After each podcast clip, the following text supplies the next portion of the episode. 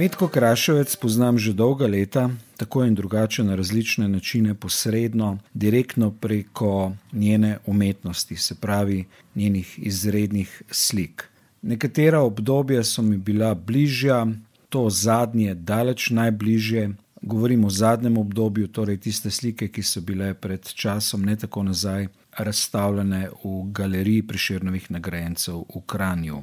Poleg tega Medko Kraševec poznam tudi preko poezije Tomaža Šalamuna, s katerim je veliko let, dolga leta živela. Tako se mi je vedno zdelo, da je prav, da z njo spregovorim.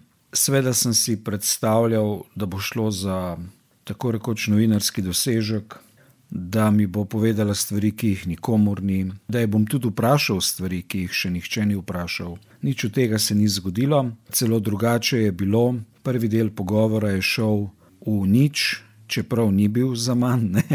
Tako da začetka najnega pogovora ne boste slišali, nadaljevanje, ki pa kar ima nekaj minut, pa vendarle ja. Medka Krašovec je čudovita gospa, čudovita ženska, živi v hišici, ki sem jo prvi hip, ko sem jo videl, poimenoval Janko in Metka. Metka, seveda, je ona, Janko pa vsi vemo, veliki slovenski pesnik Tomaš Šalamun. Ne vem, če sta kdaj živela skupaj v tej hiši, bila v tej hiši. Domnevam, da ja, nisem jo upal vprašati. Mrsikaj v resnici je sploh nisem upal vprašati. Ni vljudno, ni prav, da vprašaš, ker intervjuji se mi zdi, niso neko mesto resnice. So možnost, da povemo nekaj več o sebi, ampak v glavnem pa neizkoriščena možnost. Tako da je to dialog približno tako kot ostali dialogi. Se mi zdi, da tukaj nisem bil ravno presežek v komunikaciji z drugimi ljudmi. Se mi pa tudi zdi, da konec koncev pa umetniki ustvarjajo zato, da bi največ skozi svojo umetnost povedali. Skratka, Medka Krašovec je morda najbolj priljubljena slovenska slikarka sploh, izredno pomembna, ugledna, tudi predavateljica je bila na Akademiji za likovno umetnost, ima najvišja priznanja, ne tistih odlikovanj, ki si jih dajo tisti tam gori, ne, drug drugemu, ampak jih bo tudi tista dobila. Prej ali slej bo čas, ko bo prebivalstvo okoli Triglava doumelo svoje velike ljudi, jih sprejelo za svoje in jih častilo veliko bolj kot jih sedaj. Torej, nekaj naslednjih minut v pogovoru za podcast pogovarja se Franci Kapler, slikarka Medka Krašovec.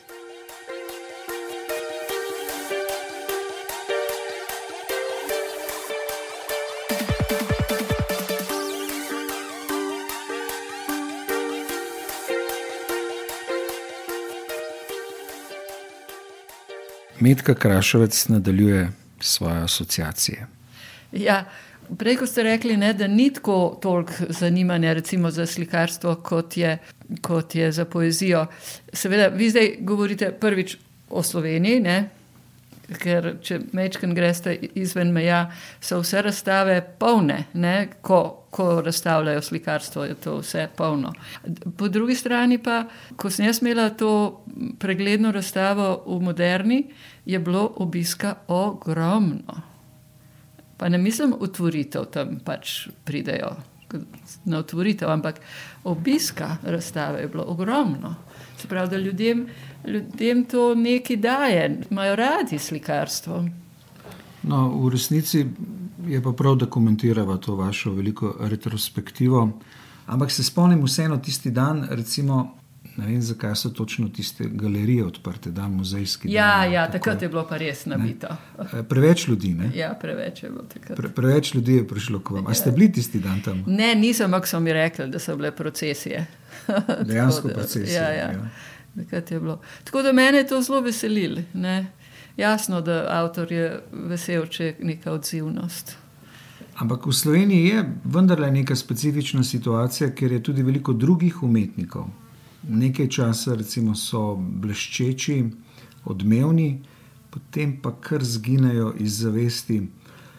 Pa jaz ne razumem točno, dejansko so to galeristi, uredniki literarnih prilog in tako naprej Zakaj se to zgodi? Ker je veliko takšnih primerov. To mislite, te, recimo, ki so, ki so, kaj se jim ti veliki naši slikari, ki so že umrli ali pa karkoli. Tudi pisatelji, pesniki. Ja, ni, ne? ne, to pač mi nimamo, nimamo. Ne izdajamo teh zbranih del, ne kažemo. Ne vem, to, to je ena anomalija prostora. Ne, to je dejansko zelo čudno. Tudi sem opazila, da recimo, ko je bila, ko je bila ta konceptualizem ne prvi val, ampak drugi val, ne, na višku v svetu so njihovi slikari, veliki, ne, ki so še vedno naprej slikali, so ravno tako razstavljali. Čeprav jasno, da so inštitucije bolj razstavljale to, kar je bilo takrat v Zeitgeistu, ne, ampak nikoli pa ni bilo tega, da bi se zanemarjalo to, kar, kar je bilo kvalitetnega prej. Ne. Je problem zgodovina pri slovencih, ne? ker je bilo včeraj, prej včerajšnjem, že ni več bilo. Ne? Ja, ja, ne vem, neki, neki je z nami narobe, ampak kaj se in kaj. A je to morda tudi kakšne vrste obrambni mehanizem? Proti čemu? Proti življenju zdolgočasenega človeka, ki gleda na mesto, da bi živel. Ne? Mi rečemo, sem prišel pogledat. Res rečemo tako. Ne? Ja? ne sem prišel noreti, se zabavati, ja. se veseliti. Aha, sem prišel pogledati. Malo mal sem prišel pogledati. Ne? Ja, ja. ne, vem, ne, vem, ne vem, kaj je to. to. Nimam pojma. Ampak imate pa vendarle izkušnjo z različnimi okolji, narodi. Ja. Italija, Amerika, čeprav ja. razumem tudi Mehika. Ja, imam, imam izkušnje in prav pri teh, recimo ali je to Pariz, ali je to London, ali je to New York ali karkoli. Vedno so jasno, nekaj je v Zeitgeistu, ostalo je še vedno diha in živi. Bilo mi je pa zelo zanimivo, ko, ko sem takrat, ko smo bili s Tomažem pač tri leta v New Yorku, da ko sem spoznala tako slikarje, te, ki jih mi ne poznamo, ne? mi poznamo samo mogoče najvišje špice. Ne? Potem je pa pod tistimi najvišjimi špicami tudi izjemno. Sjajni slikari, in tako naprej. Ne? Tako da to, to razslojevanje je pri njih tudi jasno, ampak vsi pa le je toliko in galerij, in prostorov, in univerz, in ne vem česa, da vse to živi vse to živi in se oplaja, in, in skratka, ne pride do tega, kot v provinci, da kar naenkrat je samo to in ničesar drugega. To je slabo za prostor. Je slabo, ker ravno tako se jaz lahko recimo, inspiriram pri kakšni konceptualni umetnosti, ne? kot se lahko kaj vem, recimo Bill Viola, ki je imel razstavo v, v Londonu in je zraven razstavil tudi slike, to se pravi renesan, re, severna renesansa v glavnem, ki so inspirirali njegove videe. Ne? To se pravi, to se vse nekako ne, povezuje in oplaja in tako. Ne? In zato se mi zdi, da ta, ta oženje prostora, ne, to, to mene moti. Jaz bom kar pri New Yorku ostal. Ja. Sam sem bil tam samo nekaj časa. Ne vem, zakaj ste domov prišli. Recimo, če bi jaz imel možnost tam ostati, ne bi šel niti pod razum. Ja, veste kako. To, zakaj, zakaj smo domov prišli? Prvič, finančnih sredstev za tam ostati je nemogoče. Ne? To, to, ne vem. Tudi, tudi Tomaš, ne, ki recimo, je zelo tam uštrikan in, in, in objavljen, in vse, ampak on bi lahko predaval in tudi je predaval, ampak to so bili semestri. Ne? To je bil semester in kaj pa potem? Ne? Prvič je to, ta finančna zadeva, drugič je pa tudi to, da če ti hočeš. Zunaj, recimo kot slikar, uspet, moš prvič prideti mlad, ker je to ogromen napor in ogromno energije, porabiš in moš zraven še seveda druge stvari početi in moš tam ostati. ker te ne bojo gledali, da boš ti tukaj, oni bojo pa ne, ti moraš ostati dober. Kifar je lahko v Provansi, ne? ampak jaz mislim za te navadne smrtnike, ne moš tam biti in tam ostati. Tako, ampak zelo, zelo fajn je pa iti vsake toliko časa po, tako kot je moj oče rekel, po eno injekcijo izven Slovenije. Pa je bilo to včasih lahko tudi samo Beograd, da si dubo eno injekcijo.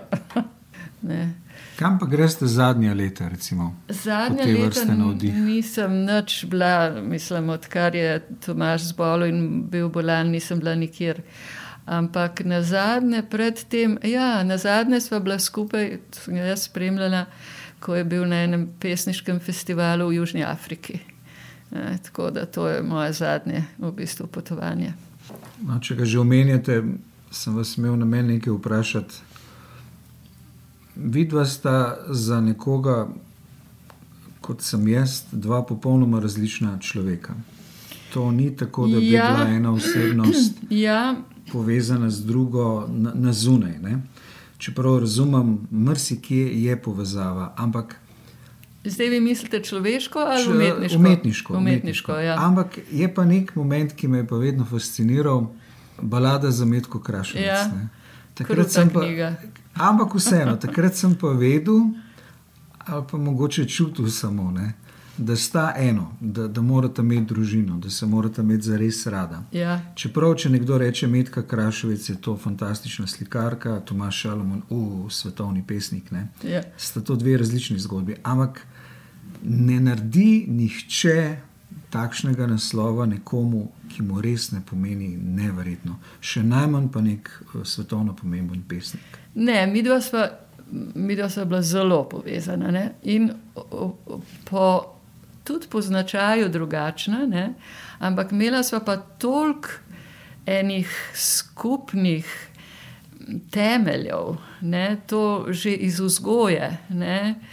od, od doma, recimo. Mi dva, mi dva smo bila zelo komod z enim drug, en, z drugim, ker, ker, ker smo, bila, smo se razumela, ne smo nekako iste, iste vrednote imela in vse. In pesništvo, pa slikarstvo se je pa nekje zelo prišlo blizu v 80-ih letih. Ne? Takrat, ko sem jaz imela te risbe iz 80-ih. In on, on je takrat meni tudi rekel, da je, je on bil takrat iz, tudi iz tega inspiriran.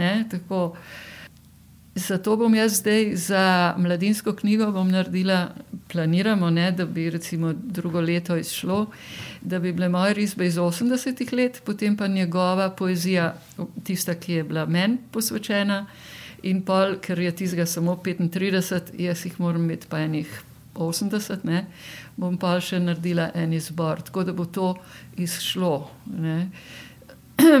Tudi te risbe, recimo, kaj je bilo tudi za me zelo ključno, ne, ker Jaz nisem glihen človek, ki je strašno samozavesten in ne vem, in kar sama sebi hosano pojem. Ne, jaz sem zelo, zelo nesigurna v tem, ne? recimo, ko nastane nekaj novega. Ko nastane nekaj novega, sem jaz, potem je bil prvi človek, ki sem mu to pokazala, ravno on. Ker on je pa imel, on je bil blazno hiter za videti kvaliteto, če je kaj novega ali pa to zelo. To, to je imel neverjeten, neverjetno in v poeziji, in v slikarstvu. Tako da mi je dal veliko podporo. To je, to je bilo strašno dragoceno. Je pomagalo, da ste slikarka. Ne? Silvija Plat ni imela te sreče, ja, bila tudi ja, pesnica. Ne? ne bi šlo, če bi bila, ne bi, ne bi šlo, ker je premočen. Ne? Jaz ne bi mogla biti pesnica, sej se zato je tudi ta prvi zakon šel na razen, ne, ker je on bil pesniško premočen. Ne. Vaše risbe sem jaz v tistem času, ko sem jih videl prvič ali pa videl v tistih prvih letih, ko sem bral poezijo njegovo, razumel kot risbe, ki spadajo grški filozofiji. brez heca.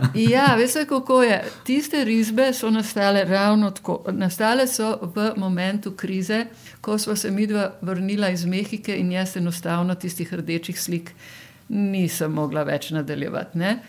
Potem sem pa jaz eno leto in pol risala, risala, risala, risala. In po enem letu in pol sem mu jaz tiste risbe pokazala. Ne? Zdaj, kaj pa je v tistih risbah prihajalo ven? Ponovno ponavljam, da so bile brez ideje. Jaz sem začela, ali sem vzela barvico, ali sem vzela pero, ali sem vzela svinčnik, vse en. Začela in, in nekaj je nastajalo. Ne? Moj, moj, moja funkcija, funkcija recimo mojega jaza, ne, je bila pa ustaviti na določen trenutku ali pa stran vršt. To je bila moja, moja funkcija. In uh, prišlo je pa vse ven, kar se je vsa ta leta nalagalo. Ne? Prišle so čudne stvari, ven, meni popolnoma nerazumljive.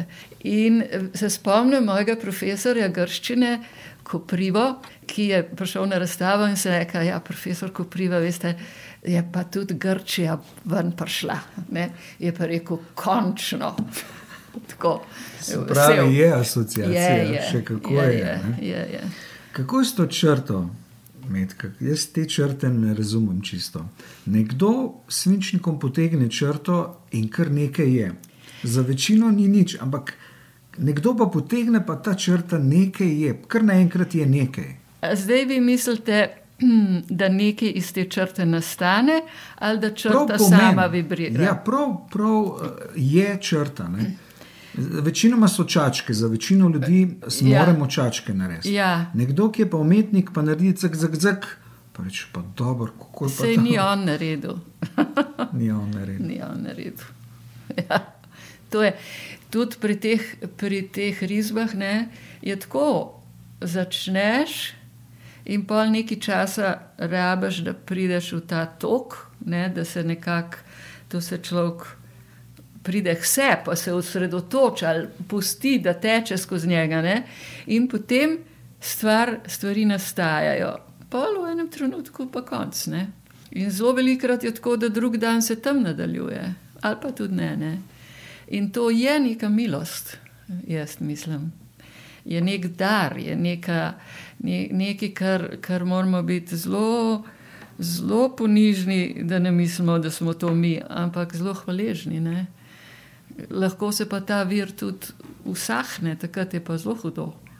Ne, takrat je pa, takrat je pa drugače. Grška misel v aktualni vzgoji ni prisotna več, pa tudi renesansa, ne mrsikaj ne. Sedaj pravijo, da tudi pismenosti ne bo več, ker bodo računalniki. Na čem pravzaprav bo človekova izkušnja sploh temeljila? Na novici današnjega dne, na tehnologiji, moderni.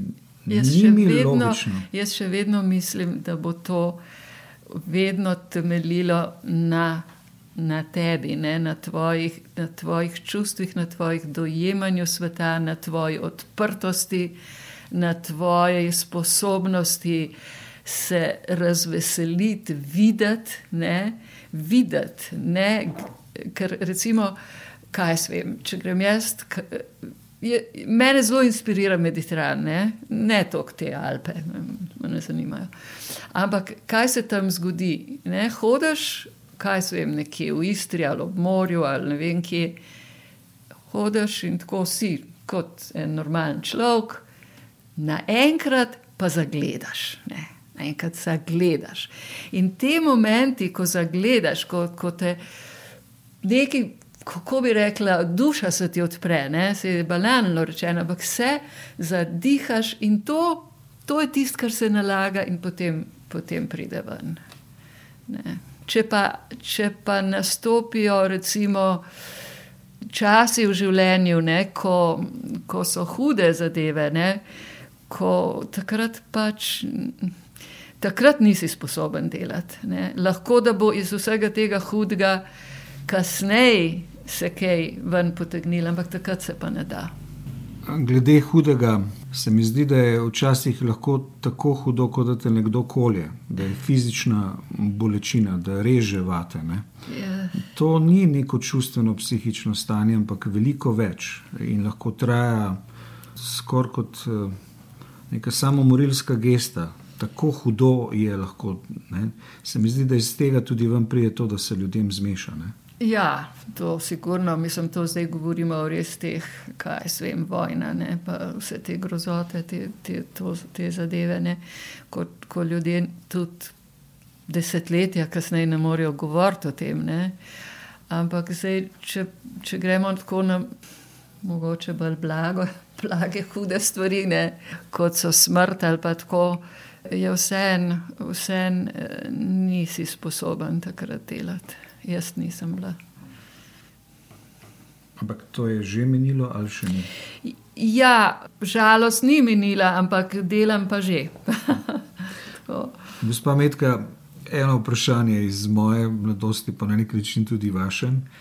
60 leta. Ja. Takrat sem bil jaz mulj, spravi seks, rock and roll, potrošnja, konzumizem. Ja ampak tudi indijska, druge modrosti, ja. meditacija, ja. yoga, odnos do narave, do energije, atomkraft, najdanke, to se spomnim zelo, čeprav je mečkam kasneje. Ne? Ampak kako ste se vi v tistih letih opredeljevali? Ja. Ste bili hipi? Uh, veste, kako jaz sem bila leta 66-67 v Ameriki ne? in uh, takrat pač je bilo to tam nekako na višku. Uh, In uh, jaz sem se družila s temi ljudmi, ne? sem se družila s temi ljudmi, nisem pa, nisem pa zapadla v kakšne skrajnosti, sploh ne. Je pa res, da takrat, kaj smo brali, kaj smo brali takrat. Ja, seveda, brali smo zen budizem, brali smo kastanedo, brali smo kot se reče, Krišna Murtija, to smo brali. Kot imamo tukaj napisano, ja, se točno to, nu, ja, nujno brati, točno to smo brali. In, uh, no, ampak pa sem jaz prišla nazaj v Ljubljano in je ta hipijovski ali ta, ta smer ali to. Je bila pa generacija mlajša od mene, ne? to so bili oni, ki so bili njih šest, sedem let mlajši od mene. Tako da potem jaz s takrat z njimi nisem imela povezave, Tomaš je imel, ne, jaz takrat ga tudi nisem poznala. In uh, pol kasneje, jaz se spomnim, ko je, ko je Taja Brejc prvič prišla k meni po, po, po, ene po ene grafike, nekaj delala v labirintu, ko smo se spoznali in je naenkrat rekla. Ah! Se ti bereš iste knjige kot jaz. Ne? Tako da, da je nekako ta povezava pa s to mlajšo generacijo nastala. Zakaj pa ni danes nobenega Krišna Murtija? Ne vem, ne vem. Zdaj je postalo ta duhovnost je postala tako banalna. Tako, Tržno blago, v bistvu. Ja, ja. In ne gre v globine, ne gre v bistvu v instant, uh, v neko instant, ne vem happiness ali pa kako postanem ne vem kaj. Ne? Ja, Tega, da je na to ne. Ja. Najbolj se mi zdi fascinantno, kako na hitrico izgubim 20 kg. A ja. to, to je fenomen. ja, ja. To ne bi zdaj rešilo karkoli. Ja, ja. Kaj pa recimo Bob Dylan, Stones? Oh, seveda. Bob Dylan, Bob Dylan je bila glavna zvezda moja. Pol uh, Beatles, tudi Stonesov nisem tako zelo imela. Bolj sem bila, če se bilo treba odločiti med Beatles in Stonesi, so bila Beatles, Bob Dylan pa na vsak način. Ne. To pa. Kaj pa slikari, Brankuzija ste omenjali še nekaj drugih? Ja, recimo njegovo kiparstvo je. Čutim neko, neko, neko čudno povezavo, ki ni, ki ni nič konkretnega, ampak neko kaj se vem. Tako kot bi imela določene registre za njegovo delo odprte, no, v tem smislu. Pol so pa, ja, jaz, sem bila, jaz sem bila kot študent, sem bila vzgajana na, na španskem, španski renesansi, na italijanski, ne, visoki renesansi, vse to.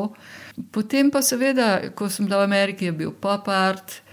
Jaz sem sledila stvarem, sledila sem stvarem in takrat, ko je nastopila že spet ta, to so bila 80-ta leta, ne, ko se je vrnilo iz konceptualizma, ki je bil že zelo zmatran, se je vrnilo v slikarstvo, ne, to je bilo za me res eh, nekaj tako krasnega, ne, da spet lahko slikamo. Mislim, je legitimno slikati. Ne. Kaj pa Andy Warhol? Warhol je sigurno vplival na en, takrat, ko sem jaz še delala konzerve, ampak bolj bi pa rekla, da Morandi, bolj Morandi, pa Kara. Ne, svede, zgodni vpliv je bil tudi Kiriko, sigurno. Ne. Tako da to metafizično italijansko slikarstvo je vplivalo na me. Na en način bolj globoko kot, kot recimo Warhol. Bolj, ja. Ko ste skušali ta dela v Ljubljani predstaviti, če se spomnite razstave v Cankarjevem domu, je bil velik fiasko, ker so bili sami ponaredki. S temi kopijami, po drugi strani, v bistvu neke vrste kulturni dogodek je pa bil, ne? čeprav v negativnem ja, smislu. Recimo, jaz se spomnim, da so, da so, da so takrat, ko, ko sem jaz še študirala v Ameriki, da so hodili prodajati grafike Šagala, ki so bile narejene vse z kamnov, vse, vse, vse, niso bile pa podpisane. To spravi, tiskari so jih še mal natisnili uh -huh. in so to prodajali. Zdaj, a je to ponaredek ali ni to ponaredek? To je ni ponaredek, ni pa podpisan. Ne?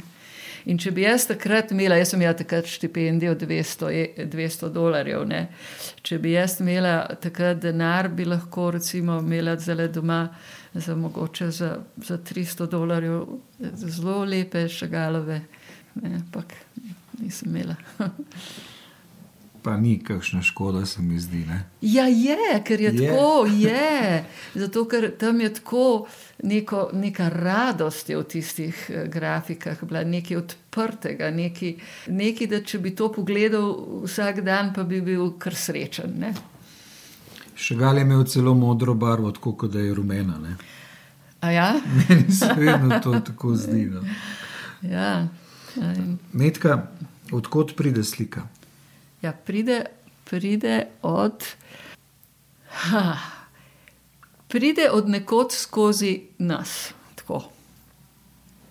Zdaj, kar koli že to pomeni. Se pravi, tako kot sem rekla, ne, te trenutki inspiracije, ki so v bistvu trenutki radosti, ki so trenutki enosti s svetom, ki so, ki ko ti vidiš, ne, ko ti čutiš, ko, ti, ko se vse to zgosti te stvari se naložijo in potem enkrat pridejo ven. No. Mislim, da, da naj očaka eno vprašanje. Ali ima slika zvok? Ja, ja to, o tem sem govorila. Ja. Ma, ne vse, ne vse, sploh ne. Izrazito kandinski, ne, izrazito.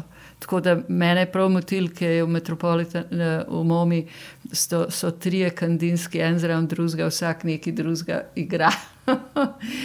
Tako da, ja, kandinski, absolutno ima zvok.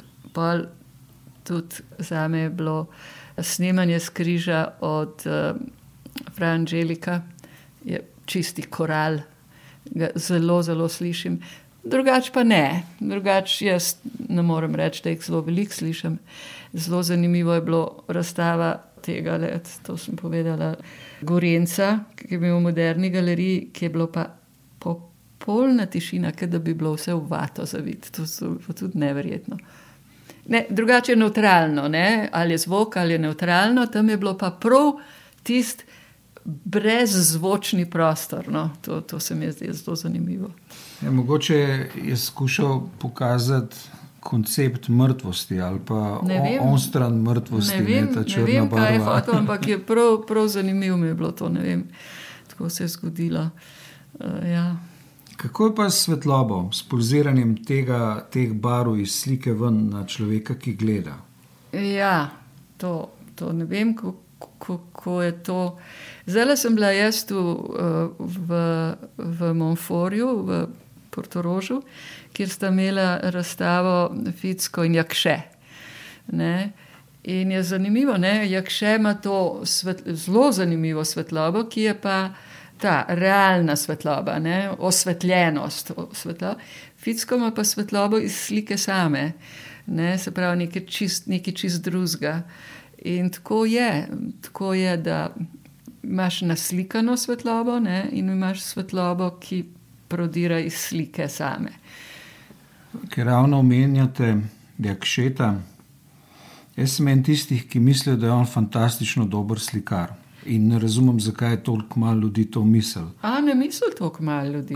Ne, ne, ne misli toliko malo. On ima, on ima ogromen opus, seveda, ogromen opus, ki mogoče je zelo raznolik, oziroma ni, ni vse enako vredno, re, rečemo, no, se to za vsega velja.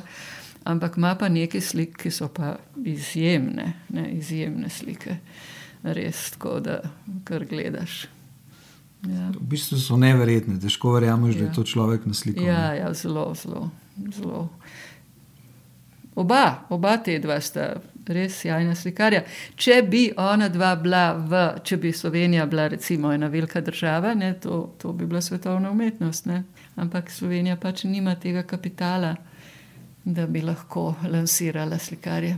Ampak ta frustracija ne navajeni smo je v bistvu ne? in nekako se včasih zdi banalna. Po drugi strani se mi pa nekaj tednov nazaj zgodilo na neki slikarski utvoritvi, da je nek študent z akademije, to je zdaj resnična zgodba. Ravno zaključuje, ali pa je ravno zaključil, ne, na nek način pri vas, ne, ne, pač, čeprav niste več tam. Ne. Ampak prav iz akademije prihaja In ko je bila ta otvoritev, je on iskal človeka, ki je plačeval te slike, ki so bile tam razstavljene. Se pravi, nekoga, ki je donator ali pa pokrovitelj umetnikov, ne, ki je dal denar za slikarstvo.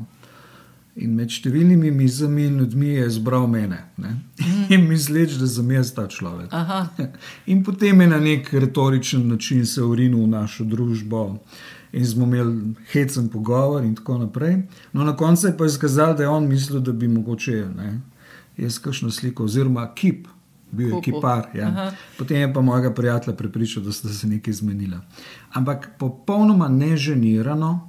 Je iskal. Ja, to, so, to, to je zdaj mlada generacija. No, ravno to, to ja. temu želim. Kako vi to vidite? Včasih bi človek rekel, da je pa to hudo na robe morajo se boriti z vsemi štirimi, se, se jim je grozno. Nam ni bilo lahko, nam ni bilo lahko, prvič ni bilo veliko razstav, drugič, ampak je bil tu pa tam kakšen odkup, tu pa tam, vse po hierarhiji, seveda. Potem smo dobili kakšno delo za opreme, pa tako te reveži nimajo nič. Te, te se morajo prav, prav z nohti in zobmi pregristi do tega, da, da preživijo. To je vprašanje krize, večinoma finančne, ekonomske ali pa osebne krize, čustvene. Se ločiš in tako naprej. Finančne je, ker se je zelo videl, ne, ko je nastopila ta kriza, kaj je bilo najprej. Najprej so nehali slike kupovati. Mislim, seveda, ker najmanj rabaš, hladilnik rabaš, ne? ali pa kaj se vem kaj. Tako da se to pozna zdaj A bo galerija Ekvorna še zdržala ali ne, ne vemo, ker, ker se nič ne proda. In zdi se mi tudi nekako, nekako se mi zdi, kako bi rekla, kratkovidno, oziroma slabo za prostor, da se da ministrstvo podpira v glavnem te projekte. Ne? In namesto da bi podprlo tudi kakšno galerijo, ne? čeprav je recimo in privatna in prodajna, sam se ne more preživeti. Tako da bi to bi bilo za mlade umetnike zelo, zelo koristno? Da, bi to, da bi tudi to podprli. Šolska ureditev v Sloveniji leta 2016 je tako kot približno 1976. Ampak tudi kulturna politika je v resnici ista. Ne? 76 so imeli več, smo imeli več, so imeli več uh, likovne vzgoje kot zdaj. Skratka, sem zgrešil. ja, več, več. Ampak ni hecno, kako v preteklosti živimo, kako ne znamo odgovoriti na izzive tega trenutka. Ja, kjerkoli pogledate, kjerkoli področje. Ja, to je pa pač ne vem, ne vem. Mislim, da je tudi zelo škoda, ker vedno se je smatral glasbeni pouk, likovni pouk, ah, vse to ni važno. Seveda je važen, važen je za vse, je važno za orientacijo v prostoru, je važno za arhitekturo, je važno za ne vem kaj vse, ne? je važno za dojemanje glasbe, da nimamo te banalnosti, te, te grozljivosti, ki jih poslušamo. Ne? To je vse. To, jaz se spomnim enega našega fizika, ki sem mu ime pozabila, ampak je tako znan, ki je enkrat imel en intervju na radiju, ko je povedal, kaj je njemu dala klasična gimnazija. Fizik, ne? kaj je njemu dala latinščina, grščina in vse to. Ne? In tudi, recimo, umetnostna zgodovina, vse te zadeve, fiziko. Ne? Po drugi strani je pa res, toliko pa moramo priznati kot ljudje, ne? da kriza je skozi.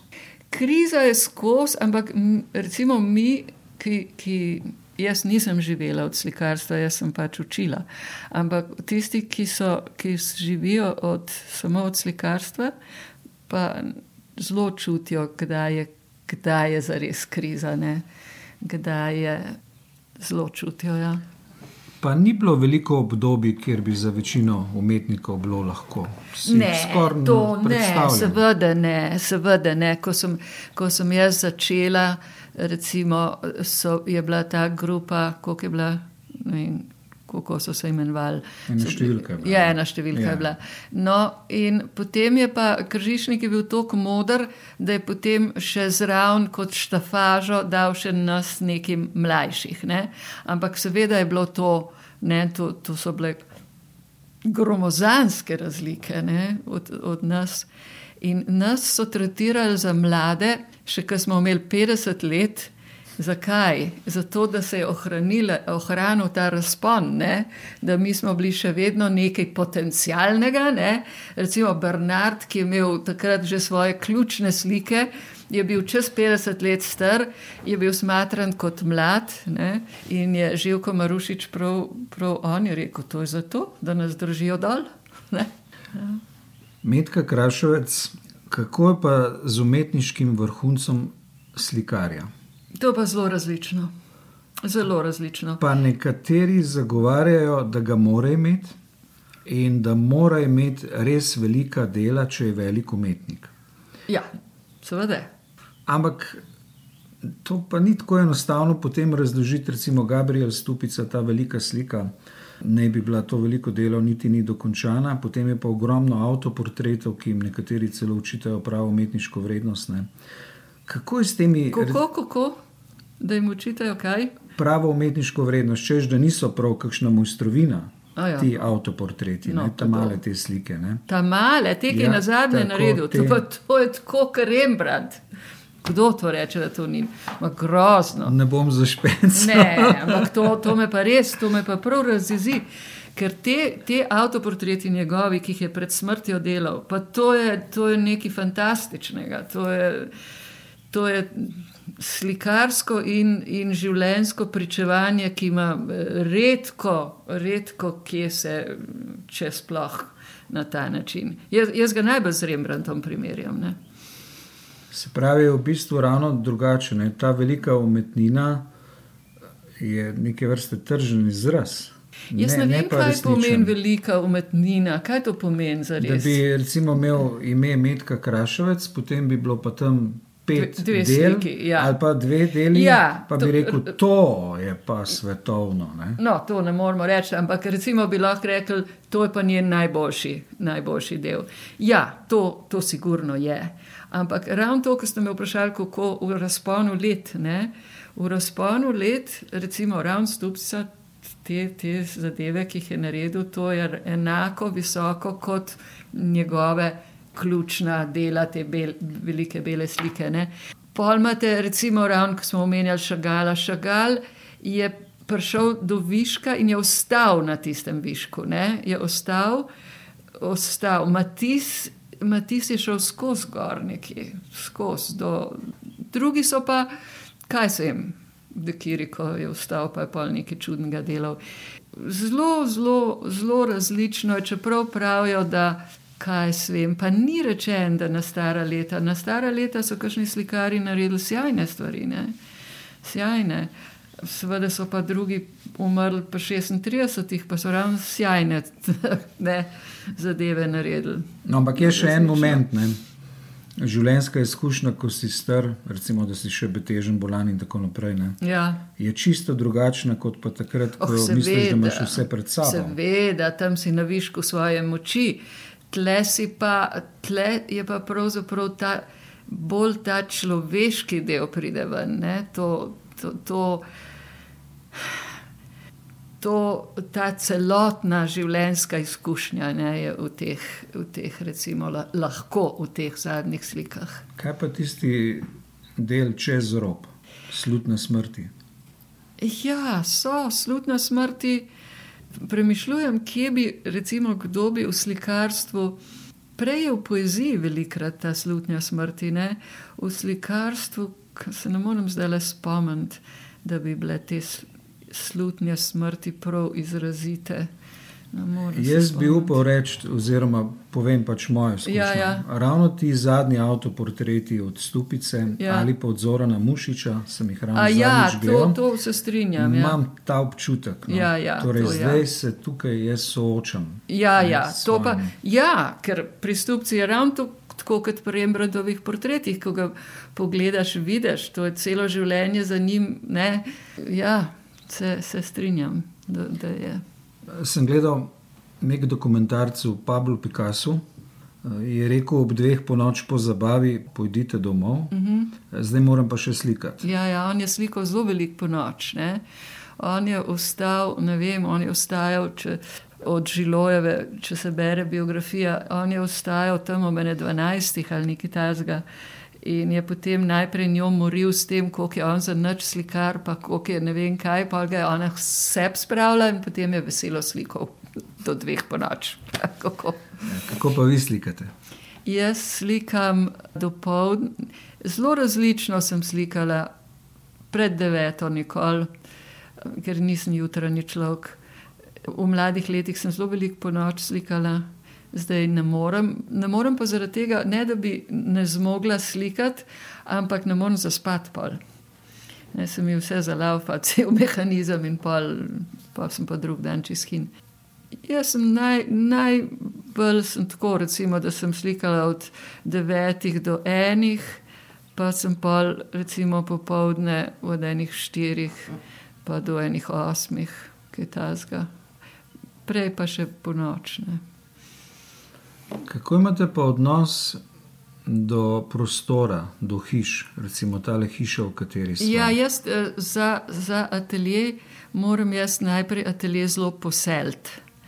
In ker sem imela tam v Ljubljani, kjer stanujemo, smo imeli ta hotel Turist, ki je imel neke strašne zvoke in smo se z njimi devet let borili. In jaz sem nehala tam slikati, ker se ni dal. In sem potem poselila tukaj ta prostor na bledu, in zdaj pa, zdaj pa tle z lahkoto, doma pa ne morem več. Doma pa delam taka upravila, ne kaj svem. Ali skeniram tiste risbe, ali urejam, ali to delam doma. Mhm. Sem še tole vprašanje. Slikarske razstave, recimo prihodne, ki se vam obetajo, je to vaše organizacijsko ne, delo? Nikoli. Nikoli vas pokličajo? Ja. ja me pokličajo, tako da ne, nisem jaz nikoli se to, to ne znam. Moja gostja v podkastu Pogovarja se Franci Kapler je bila slikarka Medka Krašovec. Hvala vam. Hvala vam za povabilo, me veseli.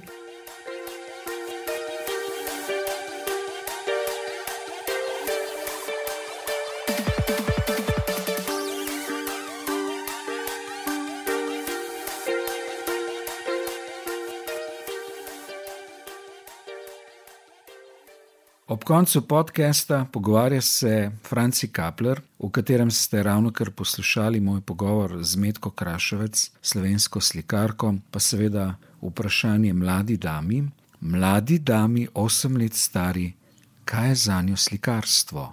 Za me je slikarstvo, da rišeš, pa da ustvarjaš, pa tudi veselje.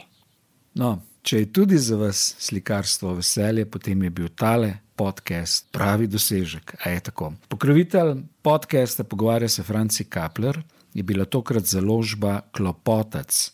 Imajo izredno, izredno kvalitetne, večinoma jazovske plošče. Poglejte na njihovo internetno stran, pokličite jih, kupite ploščo, podpirajte umetnike, podpirajte ljudi, ki podpirajo umetnike. Skratka, če želite stati po konci, se podpirajte sami.